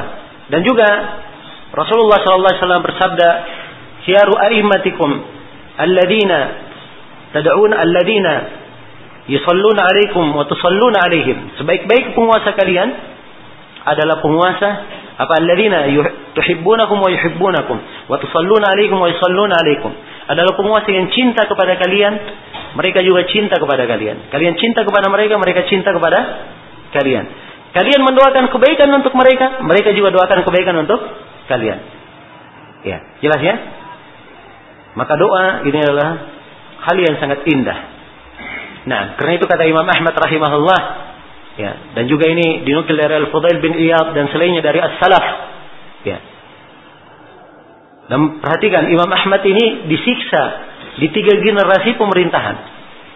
Dia balimi di tiga generasi pemerintahan. Berganti tiga pemerintahan beliau dia zalim. Tapi bersamaan dengan itu beliau berkata, andai kata saya punya doa yang mustajabah, saya hanya peruntukkan untuk penguasa. Dia peruntukkan untuk siapa? Penguasa. Sebab dengan baiknya penguasa itu adalah kebaikan untuk siapa? Untuk seluruh rakyat. Kalau doa mustajab itu dia pakai untuk dirinya, kebaikannya untuk dirinya saja. Ya. Tapi kalau dia pakai doa itu untuk penguasa, maka penguasa ini dia menjadi baik, maka baik semua negara termasuk dia sendiri akan mendapatkan kebaikan. Jelas ya? Nah ini hikmah orang-orang yang berakal. Orang-orang yang berilmu. Demikian keadaannya. Tidak memperturutkan hawa nafsunya. Ya, tidak hanya memperturutkan semangat dan emosi belaka. Ya, tapi berpikir dengan akal yang sehat.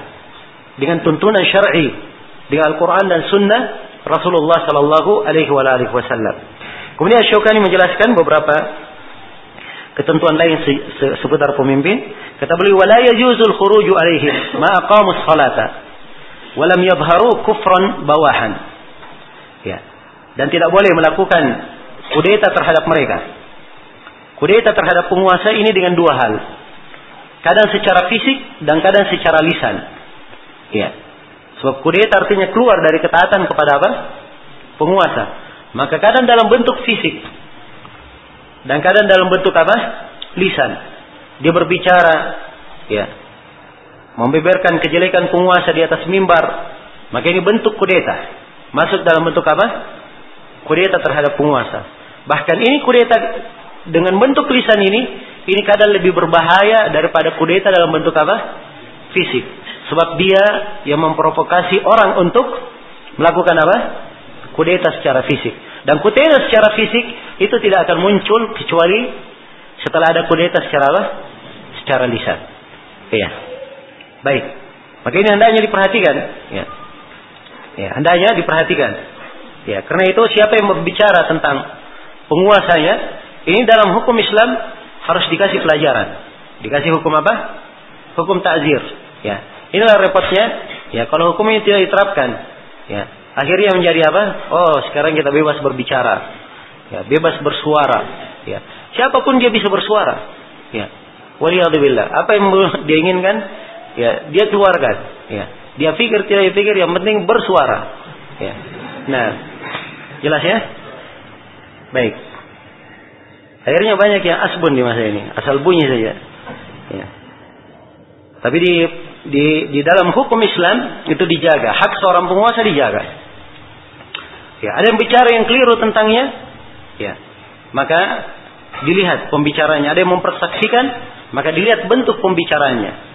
Kalau dia adalah bentuk tuduhan dan dia tidak mempunyai saksi di atas tuduhan tersebut, maka dia boleh dicambuk 80 kali cambukan. Ya. Jelas ya? Kalau dia menuduh seorang perempuan mukminah ya, berbuat zina, ya, dicambuk. Apa? Padahal dia tidak melakukannya, dicambuk sebanyak 80 kali Apalagi dia menuduh seorang pemerintah yang punya apa namanya kehormatan lebih daripada itu yang harus dijaga. Jelas ya? Yang harus dijaga. Nah, karena itu Umar bin Abdul Aziz ya rahimahullah pernah beliau memberikan hukum. Kata beliau siapa yang bercerita tentang kisah Nabi Daud, saya akan cambuk dia 80 kali. Ya, tahu kisah Nabi Daud yang biasa dicerita. Sampai sekarang masih banyak yang menceritakannya di atas mimbar Jumat. Ini kalau Umar bin Abdul Aziz hidup ini, ya, mereka dikasih semuanya 80 kali cambukan. Ya. Ya, kisah Nabi Daud yang katanya Nabi Daud punya 99 istri, ya kemudian dia tertarik dia istri prajuritnya. Kemudian disuruh prajuritnya itu pergi berperang. Ya. Dan diperintah dia berada di sok paling depan. Ya. Kemudian setelah meninggal dinikahi oleh siapa? Nabi Daud. Ya, itu kisahnya. Pernah dengar? Hah? Ya banyak ya disampaikan kisah ini. Nah, dan ini kata Umar bin Abdul Aziz, siapa yang berkisah dengan kisah ini saya akan cambuk 80 kali cambukan. Kenapa? Sebab ini kedustaan terhadap seorang nabi. Iya, jelas ya? Dia beliau berikan haddal muftari, beliau berikan. Iya. Maka ini dari hal yang hendaknya diperhatikan. Kemudian kata beliau la yajuzul khuruju alaihim ma aqamus salata. Tidak boleh melakukan kudeta terhadapnya sepanjang mereka menegakkan salat. Ini berdasarkan hadis Auf bin Malik diriwayatkan oleh Imam Muslim. Ketika Nabi Shallallahu alaihi wasallam menjelaskan tentang para penguasa yang terbaik yang kalian cinta pada mereka, mereka cinta kepada kalian. Kalian mendoakan kebaikan untuk mereka, mereka juga doakan kepada kalian. Kemudian Nabi terangkan, ya wasyiraru aimatikum alladziina tubghidunakum wa yubghidunakum wa tal'anunakum wa yal'anunakum dan sejelek-jelek penguasa kalian adalah siapa yang kalian benci dan mereka juga benci kepada kalian. Kalian melaknat mereka, mereka juga melaknat kalian. Ya. Maka Auf bin Malik berkata, kami berkata, wahai Rasulullah, afala nunabidhuhum inda dalika? Kalau mereka dalam keadaan seperti itu, tidakkah selayaknya kita melepaskan mereka? Ya. Kata Nabi tidak boleh. Ma aqamatikum shalah. Tidak boleh sepanjang mereka apa? Menegakkan salat di tengah kalian.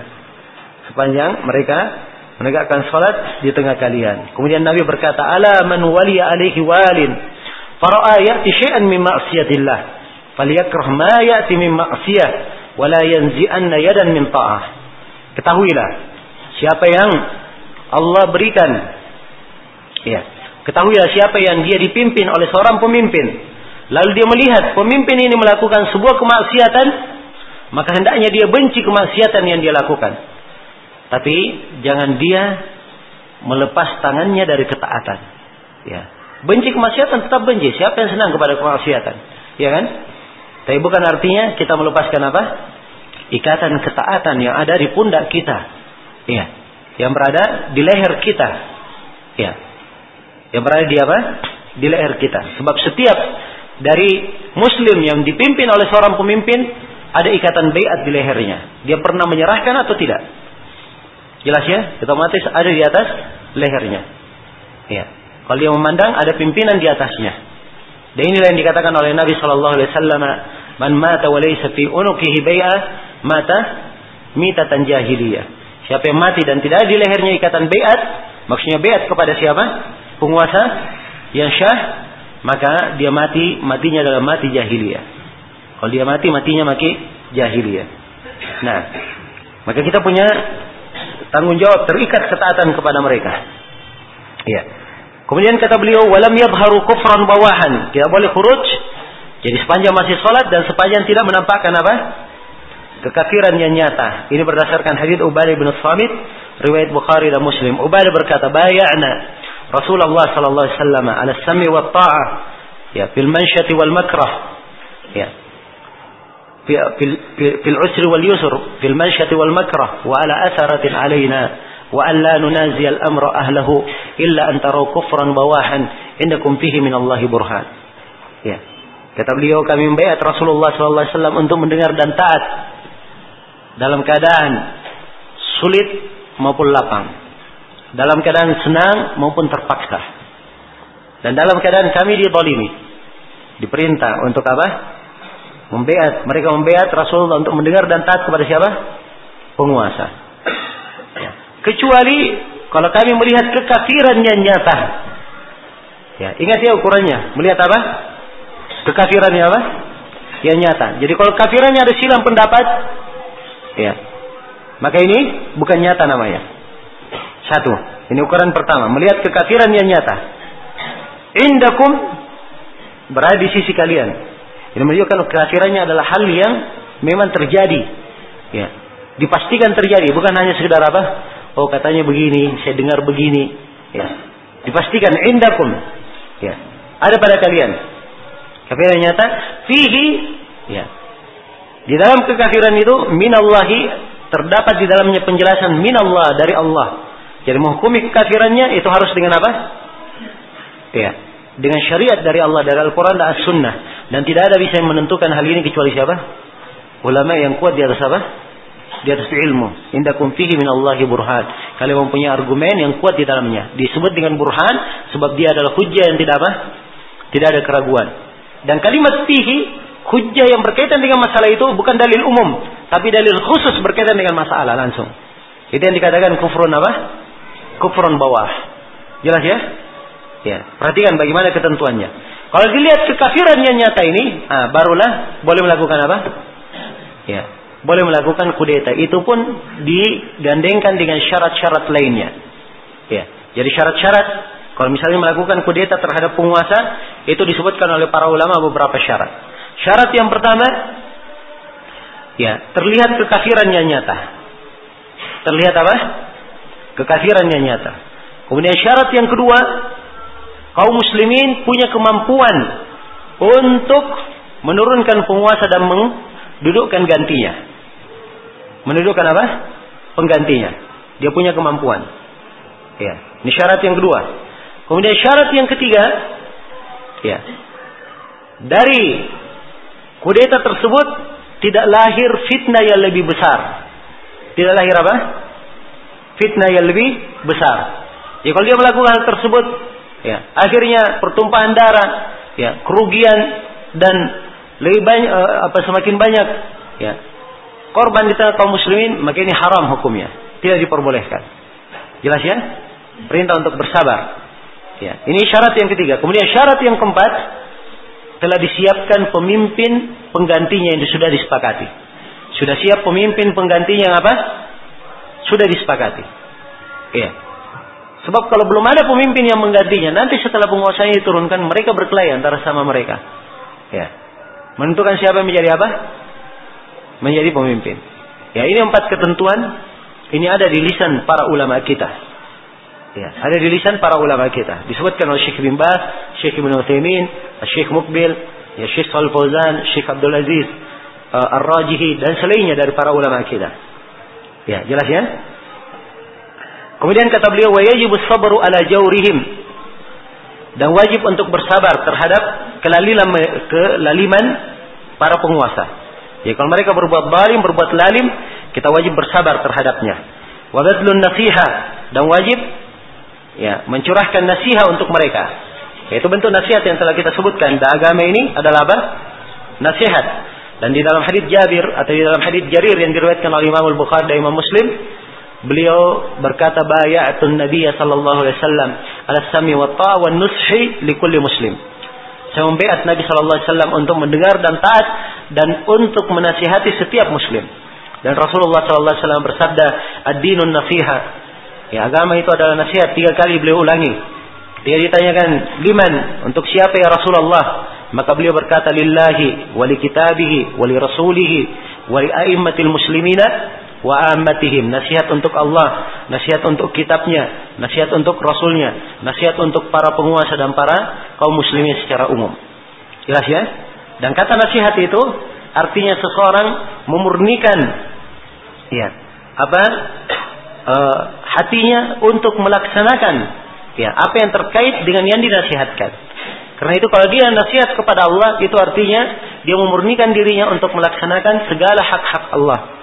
Demikian pula kepada Rasulnya, kepada uh, kitabnya, ya, kepada para imam kaum muslimin dan khusus untuk para imam kaum muslimin mereka punya Ya, menasihati mereka adalah dengan taat kepada mereka, tidak melakukan kudeta terhadap mereka, ya, tidak taat kepada mereka dalam maksiat, itu termasuk nasihat. Kemudian termasuk nasihat mendoakan kebaikan untuk mereka, bersabar terhadap doliman mereka, dan banyak lagi bentuk-bentuk nasihat terhadap penguasa. Ya, kemudian kata beliau, wa alaihim adzab anil muslimin. Ya, itu tadi kewajiban rakyat ya terhadap siapa? Penguasa. Sekarang Asyokani berbalik menjelaskan ya tentang kewajiban penguasa terhadap rakyat. Alaihimud dabbu anil muslimin. Mereka wajib untuk membela apa? Kaum muslimin. Iya. Wajib untuk membela kaum muslimin. Ya, wa kaffu dan wajib untuk menahan tangan orang yang berbuat kezaliman. Ya. Karena itu seorang penguasa ya dia wajib untuk melihat apa yang maslahat bagi rakyatnya. Apa yang apa yang maslahat bagi apa? Rakyatnya. Sebab kalau dia tidak melaksanakan kewajibannya ini, Rasulullah telah telah mengingatkan di dalam hadis Ma'qil bin Yasar riwayat Bukhari dan Muslim, "Ma min 'abdin yastar'ihi Allahu ra'iyatan, thumma lam yahut binushiha." Ya. Apa ya, disebutkan dalam riwayat yang lain, "Yamutu yawma yamutu wa huwa ghashun li rahiyatihi illa harrama Allahu 'alaihi al-jannah." Tidak ada satu apa muslim pun satu hamba pun yang Allah berikan padanya tanggung jawab sebuah kepemimpinan. Dia mati, tatkala dia mati dalam keadaan dia berbuat ghasyun mengkhianati kepemimpinannya, maka Allah haramkan untuknya sorga. Allah haramkan untuknya apa? Untuknya sorga. Ya. Dan kewajiban dari penguasa, kalau dia adalah penguasa, dia harus menahan tangan orang-orang yang berbuat zalim tidak dia biarkan ada orang yang berbuat zalim di tengahnya. Ya, dia berusaha untuk apa namanya menghindarkan segala bentuk kezaliman ya dari kaum muslimin. Karena itu dia ditegak diperintah untuk menegakkan hukum-hukum Allah. Untuk menegakkan apa? Hukum-hukum Allah. Dan diterangkan oleh Rasulullah SAW bahwa yang membinasakan umat-umat sebelum kalian itu kalau salah seorang dari mereka mencuri dan dia dari golongan yang mulianya maka ditinggalkan hukum apa had terhadapnya. Tapi dari golongan rendahan maka ditegakkan padanya hukum. Ya. Maka ditegakkan hukum padanya. Ini yang membinasakan umat sebelum kita. Kemudian wahifdzu dzugurihim dan dari kewajiban seorang pemimpin hifdz dzugurihim, dia harus menjaga sagar. Ya, sagar ini adalah wilayah perbatasan yang terancam oleh orang-orang kafir. Ya, terancam oleh orang-orang kafir. Mereka punya kewajiban untuk menjaga hal itu wa tadbiruhum bisyara' fil abdani wal adyani wal amwal. Wah ini ucapan ringkas dari Imam Syaukani, tapi pemaparannya perlu daurah. Ya. Iya betul ini. Ya, beliau berkata, ya dan kewajiban penguasa adalah mentadbir mereka dengan syariat. Ya, mengatur mereka dengan syariat pada badan mereka, pada agama mereka dan pada harta mereka. Ya, ini luas sekali cakupannya. Sebab seluruh pembahasan fikih asyiah syariah dalam ucapan Asy-Syaukani ini. Ya, jelas ya? Kemudian kata beliau wa tafriqu amwalillahi fi masarifiha. Dan dari kewajiban penguasa dia membagi harta-harta Allah itu pada tempat-tempatnya. Maksudnya di sini pada zakat, ya pada al-khumus dan yang lainnya dari kewajiban yang harus dibagi, dia bagi pada tempatnya masing-masing. Kemudian kata beliau wa adamul isti'thari bima fawqal kifayati bil ma'ruf dan hendaknya dia tidak menyimpan ya di atas apa yang sudah mencukupinya bil ma'ruf dengan hal yang ma'ruf. Jadi kalau misalnya ya penguasa diberikan wewenang atas sesuatu dan dia sudah mendapatkan kecukupannya, maka jangan dia menyimpan sesuatu di atas kecukupan tersebut. Bahkan harusnya diarihkan untuk hal yang terdapat di dalamnya kemaslahatan dan kebaikan untuk umat. Kemudian kata beliau wal mubalaghatu fi islahis sirah sarira. Ya, ini dari kewajiban yang sangat agung. Bersungguh-sungguh di dalam memperbaiki as-sirah. Ya, memperbaiki keadaan. Ya, memperbaiki akhlak perjalanan umat Islam. Ya, dan memperbaiki as-sarirah dan memperbaiki apa yang ada di dalam hati. Ya, ini cakupannya memperbaiki tauhid kaum muslimin.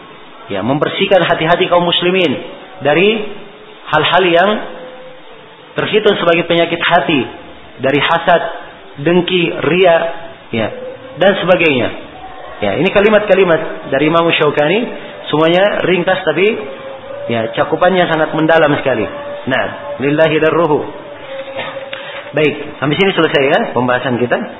Dan di manuskripnya yang ditulisan tangan Imam Syaukani itu ada tambahannya di akhir tertulis ilahuna intahal mukhtasar bi khatti muhallifihi Muhammad ibnu Ali bin Muhammad Ash-Shawkani. Ya, tertulis begitu di akhirnya sampai di sini selesai ringkasannya. Jadi beliau anggap ini kitab adalah ringkasan. Ya. Selesai dengan tulisan tangan penulisnya Muhammad bin Ali bin Muhammad Ash-Shawkani rahimahullah. Baik. Manuskripnya ada ya, sebagai siapa ikhwah yang ingin memilikinya, mungkin dia bisa minta sama panitia nanti di fotokopikan. Ya. Kalau dia ingin mencocokkan sendiri dengan tulisan tangan Imam Syukani, ya silahkan. Baik. Baik ini akhir dari pembahasan kita dan alhamdulillah segala puji dan syukur kepada Allah Subhanahu wa taala memberikan taufik kepada kita semua sehingga uh, selesai juga pembahasan kita pada acara daurah fikih kali ini. Ya. Dan saya bermohon kepada Allah Subhanahu wa taala agar kita semua diberikan ikhlasan di dalam ucapan dan amalan dan kita diberikan taufik dan inayah di dalam melaksanakan segala yang kita ketahui dan mengamalkan apa yang Allah amanahkan kepada kita. Dan saya bermohon kepada Allah Subhanahu wa taala semoga kita diajari hal yang kita jahil tentangnya dan kita diberi manfaat ilmu yang Allah ajarkan kepada kita. Dan semoga Allah Subhanahu wa taala memberkahi segala umur dan segala waktu dan memberkahi segala kehidupan kita di dunia dan di akhirat. Innahu waliyyu dzalika wal qadiru alaih. Subhanakallahumma bihamdik asyhadu an la ilaha illa anta astaghfiruka wa atubu ilaik walhamdulillahi rabbil alamin. Ya, kemudian saya ingatkan bahwa uh, selepas duhur seperti biasa ada tausiah ya. Dan uh, juga ini akhir dari apa namanya? dari penyampaian saya. Ya dan tentunya antum masih punya urusan dengan uh, pondok.